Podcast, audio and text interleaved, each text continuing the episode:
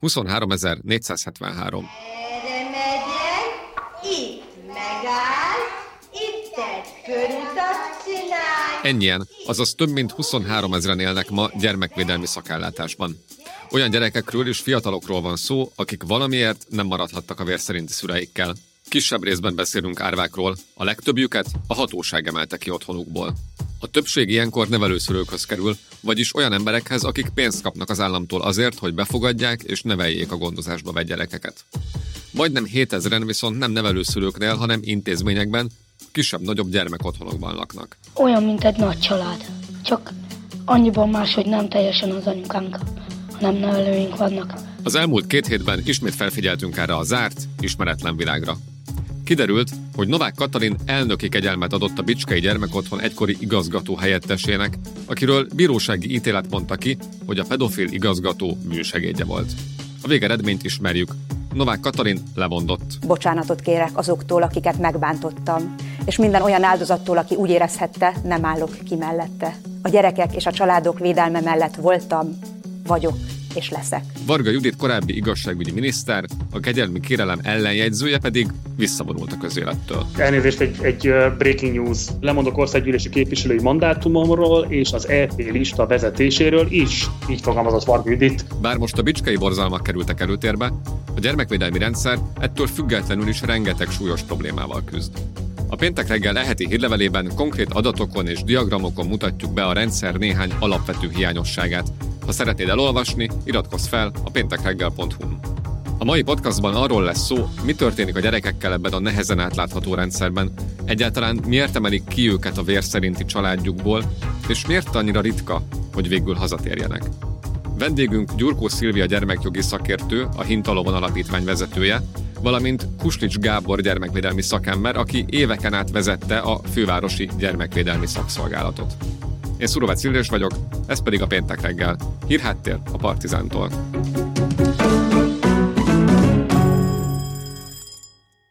A Bicskei pedofil botrány 2016-ban robbant ki, amikor az igazgató áldozatai közül ketten a nevüket és az arcukat vállalva elmondták, hogy mi történt velük. Emlékszem, nagyon is megvan bennem a kép, amikor, amikor bementem az irodájába, kulcsra zárta az ajtót. Milyen hatással volt ez az ügy a gyermekvédelmi rendszerre? Lette bármilyen általános következménye ennek?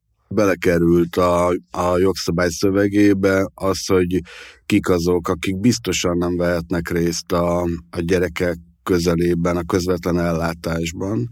És még egy következmény volt, az pedig a helyettes államtitkári által aláírt módszertani kiadvány, ami a gyerekek szexuális bántalmazásával összefüggő eljárásrendet adta ki az összes szolgáltatónak, hogyha ilyennel találkozik, akkor mit kell tennie. ami ott történt, az szerintem megrendítette a rendszert abból a szempontból, hogy hogy most akkor hány ilyen patyomkén falu van a rendszerben, ami kívülről tökéletesnek néz ki, és mögötte meg olyan dolgok történnek, ami nem oké. Okay. Szerintem ez a fajta szembenézés egyébként elmaradt.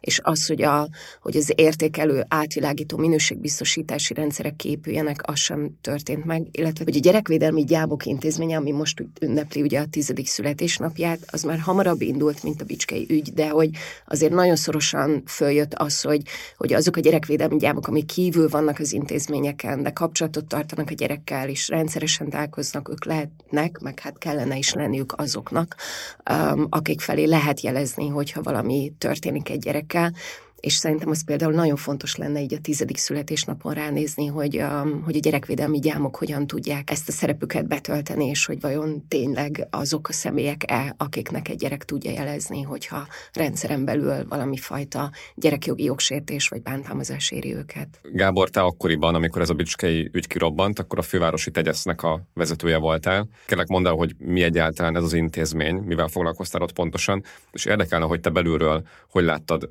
a gyermekvédelem döntéshozóit és dolgozóit, mennyire foglalkoztatta, mennyire rázta meg ez az egész ügy. A TEGYESZ, az a Területi Gyerekvédelmi Szakszolgálatnak a rövidítése, ez ebből minden megyébe és a fővárosban van egy. A tegyeszekhez ilyen kitüntetett tartalmak tartoznak, mint az örökbefogadás, az előbb emlegetett gyerekvédelmi gyámi szolgálatnak a, a működtetése, a Gyerekvédelmi Szakértői Bizottság működtetése, ez egy független ö, grémium, ami meg tudja határozni, hogy hova menjen egy gyerek.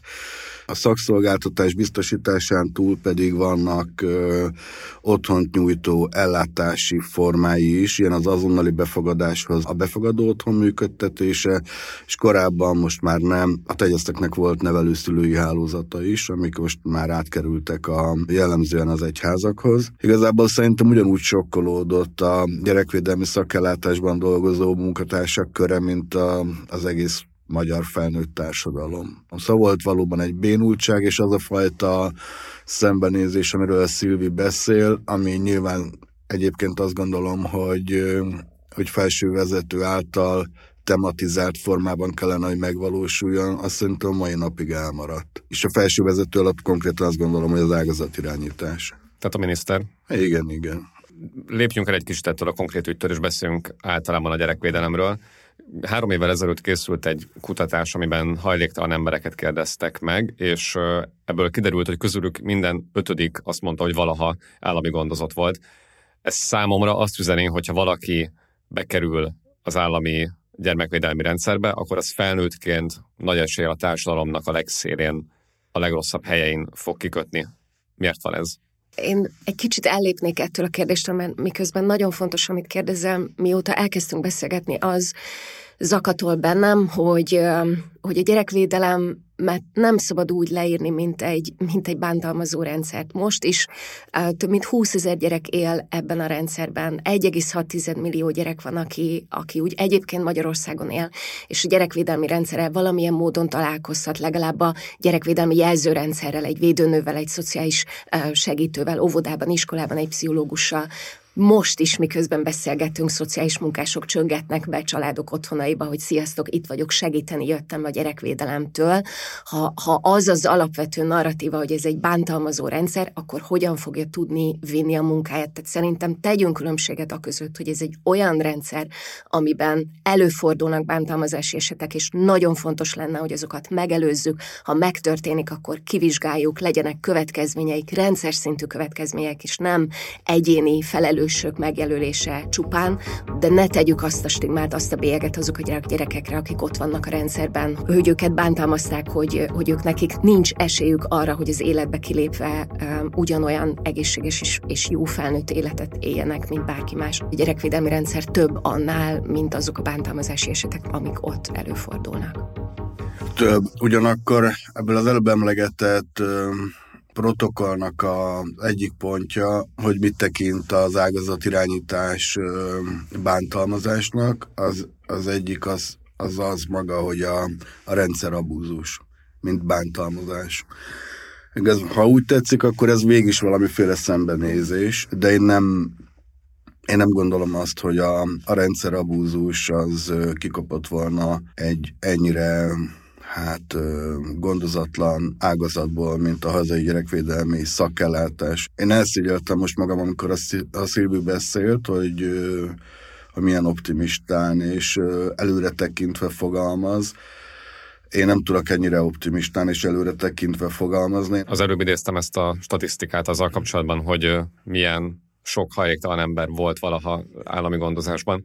Nyilván ez nem minden esetben igaz valóban, sőt szerencsére ez nyilván még mindig egy kisebb részét érinti a, a, ezeknek a gyerekeknek, de általában milyen pályát futnak be ezek a gondozásba vett gyerekek, hogyha el tudnátok mondani onnantól kezdve, hogy miért emelik ki egyáltalán őket a vér családjukból, és aztán mi történik velük ebben a rendszerben, mi lesz velük felnőttként, hogy ezt egy kicsit jobban meg tudjuk érteni. A hajléktalanságot én ki, kiterjesztenem oda, hogy, hogy mitől sérülékenyebb az a gyerek, aki állami gondoskodásban nő fel, és szerintem ezt a szót azért ízlelgessük, hogy állami gondoskodás, mert itt ugye arról van szó, hogy többségében olyan gyerekek, akiket azért emelnek ki a vérszerinti családjukból, mert ott veszélyeztetve vannak, és akkor rögtön lehet tenni ilyen kilépéseket, vagy vargabetűket, hogy, hogy mit jelent a veszélyeztetés, tehát szembenézni azzal, hogy Magyarországon hiába tiltja a jogszabály, hogy pusztán anyagi okok miatt gyereket kiemeljenek családból, a realitás az mégis az, hogy a, hogy a lakás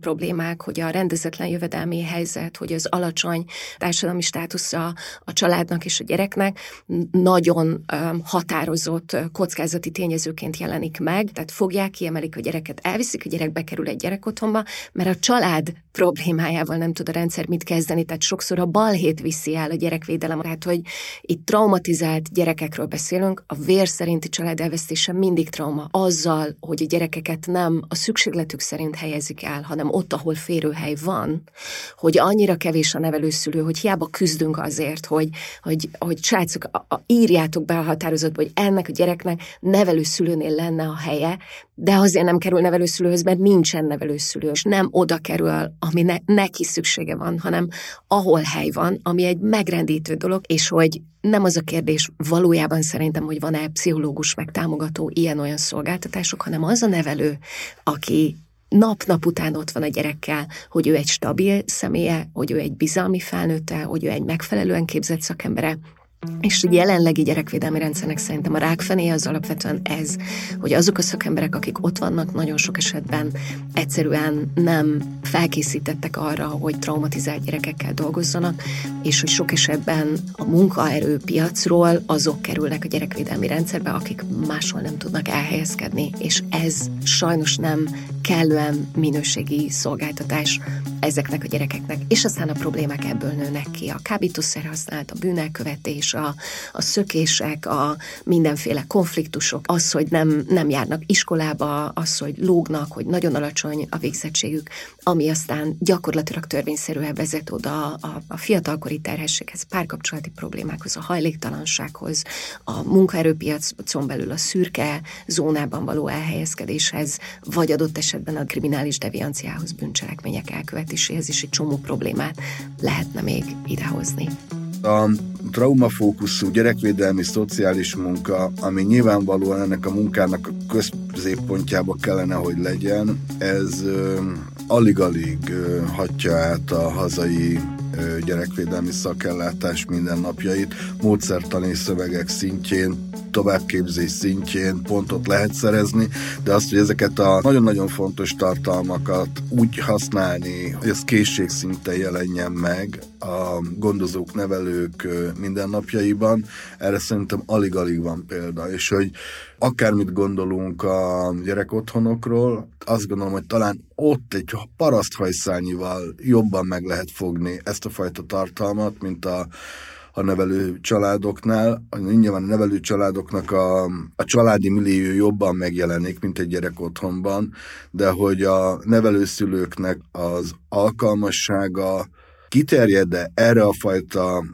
tünetegyüttesre, ami azt jelenti, hogy eltérően fog viselkedni a kortársaihoz viszonyítva, hogy ne tiszteletlenségnek, ne gonoszságnak, ne rosszasságnak tekintse a gyerek által hozott tüneteket, hanem a traumatizált állapotnak a, a, a megjelenéseként értelmezze. Ez szerintem nagyon-nagyon ritkán jelenik meg. A kormánynak volt is ilyen szándéka, hogy ezeket a nagy intézményeket teljes egészében bezárja, és minél hát vagy kisebb otthonokban, vagy nevelőszülőknél helyezzel a gyerekeket. Most ezzel hogy állunk, és hogy értékelitek ezt a folyamatot? Ha azt nézem, hogy Magyarország deklarálta el, hogy le fogja bontani ezeket a kereteket, igen. Ha az a kérdés, hogy van-e jogszabály, ami előírja, hogy 12 éven aluli gyereket nevelőszülőknél helyezek el, akkor azt mondom, hogy igen. Ha megkérdezed, hogy vannak-e még csecsemő otthonok Magyarországon, akkor arra is azt kell mondani, hogy igen. Tehát, hogy pici babák, újszülöttek, több száz van, aki nem kerül nevelőszülőkhöz, hanem csecsemő otthonba kerül. Azt mondhatom önnek, hogy a 2019-re a 12 év alatti gyermekeknek több mint 90% a nevelőszülőknél lesz elhelyezve. Csak hogy a dolog nem ilyen egyszerű. Azokat a kérdéseket el kell felejteni, hogy még egy rossz család is jobb, mint egy intézmény, meg hogy még, a, még egy rossz nevelő szülő is jobb, mint egy gyerek otthon, meg lakás otthon. Ezek, ezek hamis, mítoszos mondatok. A fogyatékossággal élő gyerekek egyszerűen nincs nevelőszülő, tehát két, két kezem sok ahhoz, hogy összeszámoljam, hogy hány olyan nevelőszülő van, aki fogyatékossággal élő gyerekről tud gondoskodni, tehát hogy eleve itt van egy nagyon diszkriminatív helyzet. A tavalyi évben a legtöbb ö, halált ö, okozó gyerekbántalmazási ügy nevelőszülőknél tört történt. Tehát, hogy, hogy van-e elég nevelőszülő, vagy nem, az csak egyik kérdés.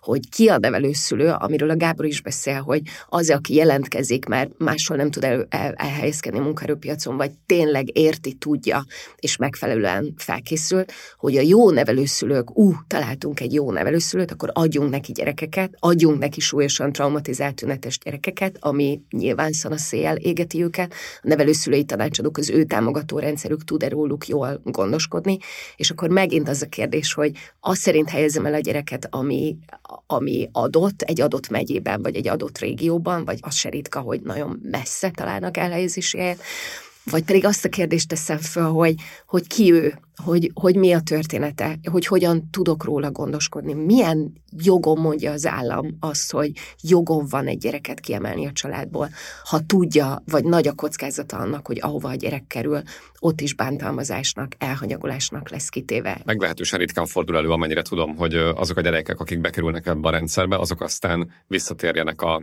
vérszerinti szüleikhez mi ennek az oka, és egyáltalán meg lehet becsülni azt, hogy ez hány esetben lenne elképzelhető, hány esetben lehetne kellően segíteni ezeket a vérszerinti szülőket ahhoz, hogy visszafogadhassák a gyereküket. A gyerekvédelmi rendszerünknek a fő küldetése az az, hogy a, a gyerek a saját családjában tudjon felnőni. Ez igaz a gyerekjóléti alapellátásra, és ugyanígy igaz a gyerekvédelmi szakellátásra is, ami gondozásba vétel indokáig kell, hogy tartson a gyerekvédelmi szakellátásnak az ideje.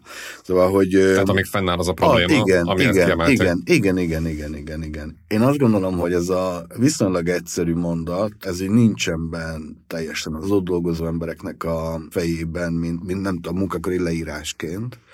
A másik pedig az, hogy ezek a gyerekek azon túl vannak, hogy a helyi közösségben élő felnőttek hát nagyon sok mindent mondtak már rájuk, és hogy ezek a felnőttek nem biztos, hogy akarják, hogy hogy visszakerüljön a településre ez a gyerek. És most itt iskolaigazgatóról beszélek, körzeti megbízatról beszélek, gyerekorvosról beszélek, a, nem tudom, a kormányhivatal ügyintézőjéről beszélek. Szerintem ez egy teljesen általános magatartás, de ugyanakkor hozzá kell tennem azt is, hogy a fővárosi tegyesznek volt egy kutatás, ami azt mondta, hogy ha egy gyerek bekerül a gyerekvédelmi szakellátásba, és egy éven belül nem kerül haza, akkor nagy valószínűséggel minimum öt évig marad a, a gyerekvédelmi szakellátásban. Én azt gondolom, hogy elfáradnak a, az emberek egy év alatt egy gyerek ügyének a, az intézésébe, úgy, hogy a gyerek nincs is jelen mármint most a gyereküléti alapellátás munkatársairól beszélek. Akik a vérszerinti családdal igen, foglalkoznak. Igen, igen, igen. Azzal foglalkoznak, ami nagyon égető, és az a gyerek, aki bent van a gyerekvédelmi szakellátásban,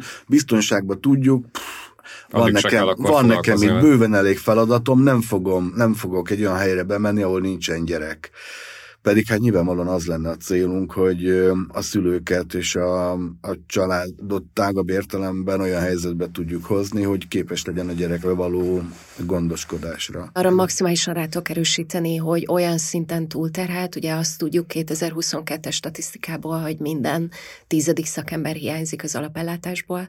A második, hogy én azt tapasztalom, hogy nagyon gyakran a kiemelés valódi oka nem szerepel abban a határozatban, ami ott van most ugye sokat beszél az ország szexuális visszaélésekről, én azt látom, hogy nagyon sok ügy van, ahol felmerül a gyanú a szexuális abúzusra, felmerül a gyanú a családon belüli erőszakra, nem indítanak eljárást, mert úgyse fogják bebizonyítani, de azért mindenki valami bekerül a határozatba, nagyon sokszor ilyen, ilyen nem jár a gyerek iskolába, magas az igazolatlan hiányzás, meg a alkoholfogyasztás, tehát hogy ahhoz képest triviális dolgok, amit meg kéne fogalmazni, de a szülőkkel nem konfrontálódik, a rendszer nem teszi be a valódi okokat, és ott egyébként a háttérben, a helyben dolgozóknak ott van ez az információ, vagy félinformáció, és nem is tesznek erőfeszítéseket, hogy a gyerek öm, visszakerüljön, mert hogy jobb neki ott az intézményben, bármennyire rossz.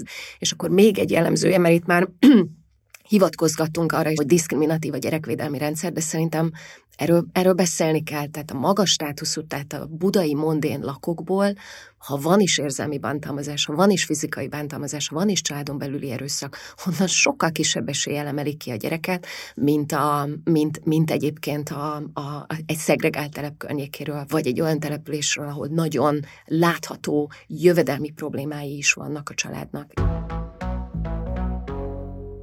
Az elmúlt két hét és a kegyelmi botrány ráirányította ismét a figyelmet erre az egész kérdéskörre, hogyha most a kormány elhatározná, hogy érdemi lépéseket akar tenni a gyerekvédelemben, azért, hogy mindezek a problémák legalább valamelyest enyhüljenek, akkor ti mit mondanátok, hova kellene nyúlni először? Mi legyen az első lépés? A gyerekjóléti alapellátás és a gyerekvédelmi szakellátás azt szerintem közelebb kellene, hogy kerüljön egymáshoz és azt is nagyon komolyan gondolom, hogy a kliensek vagy az ellátottak területi illetékességét azt jóval kisebbre kellene venni.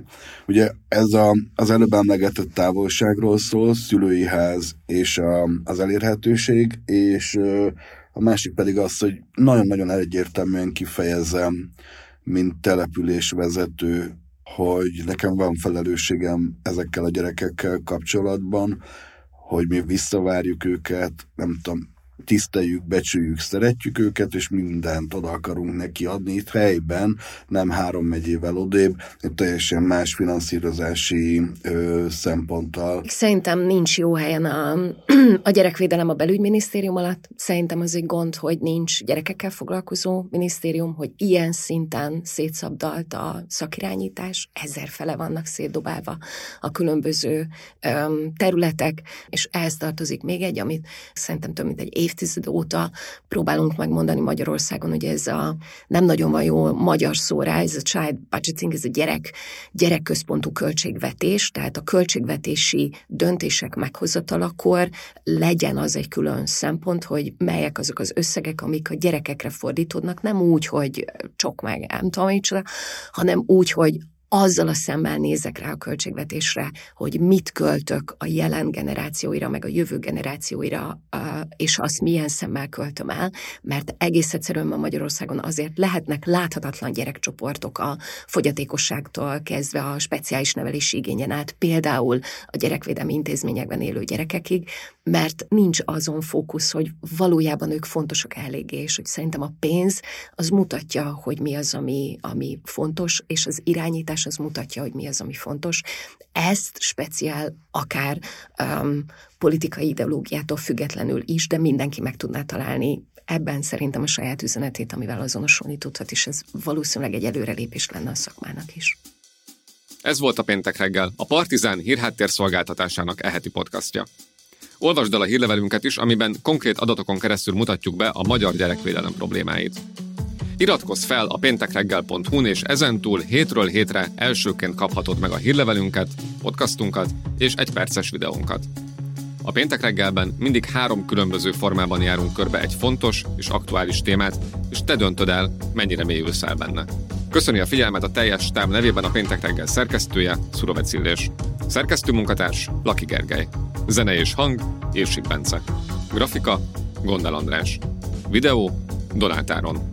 Gyártásvezető, Beke Anna. IT, Tóth Norbert. Nézd, olvasd, hallgasd. Minden péntek reggel.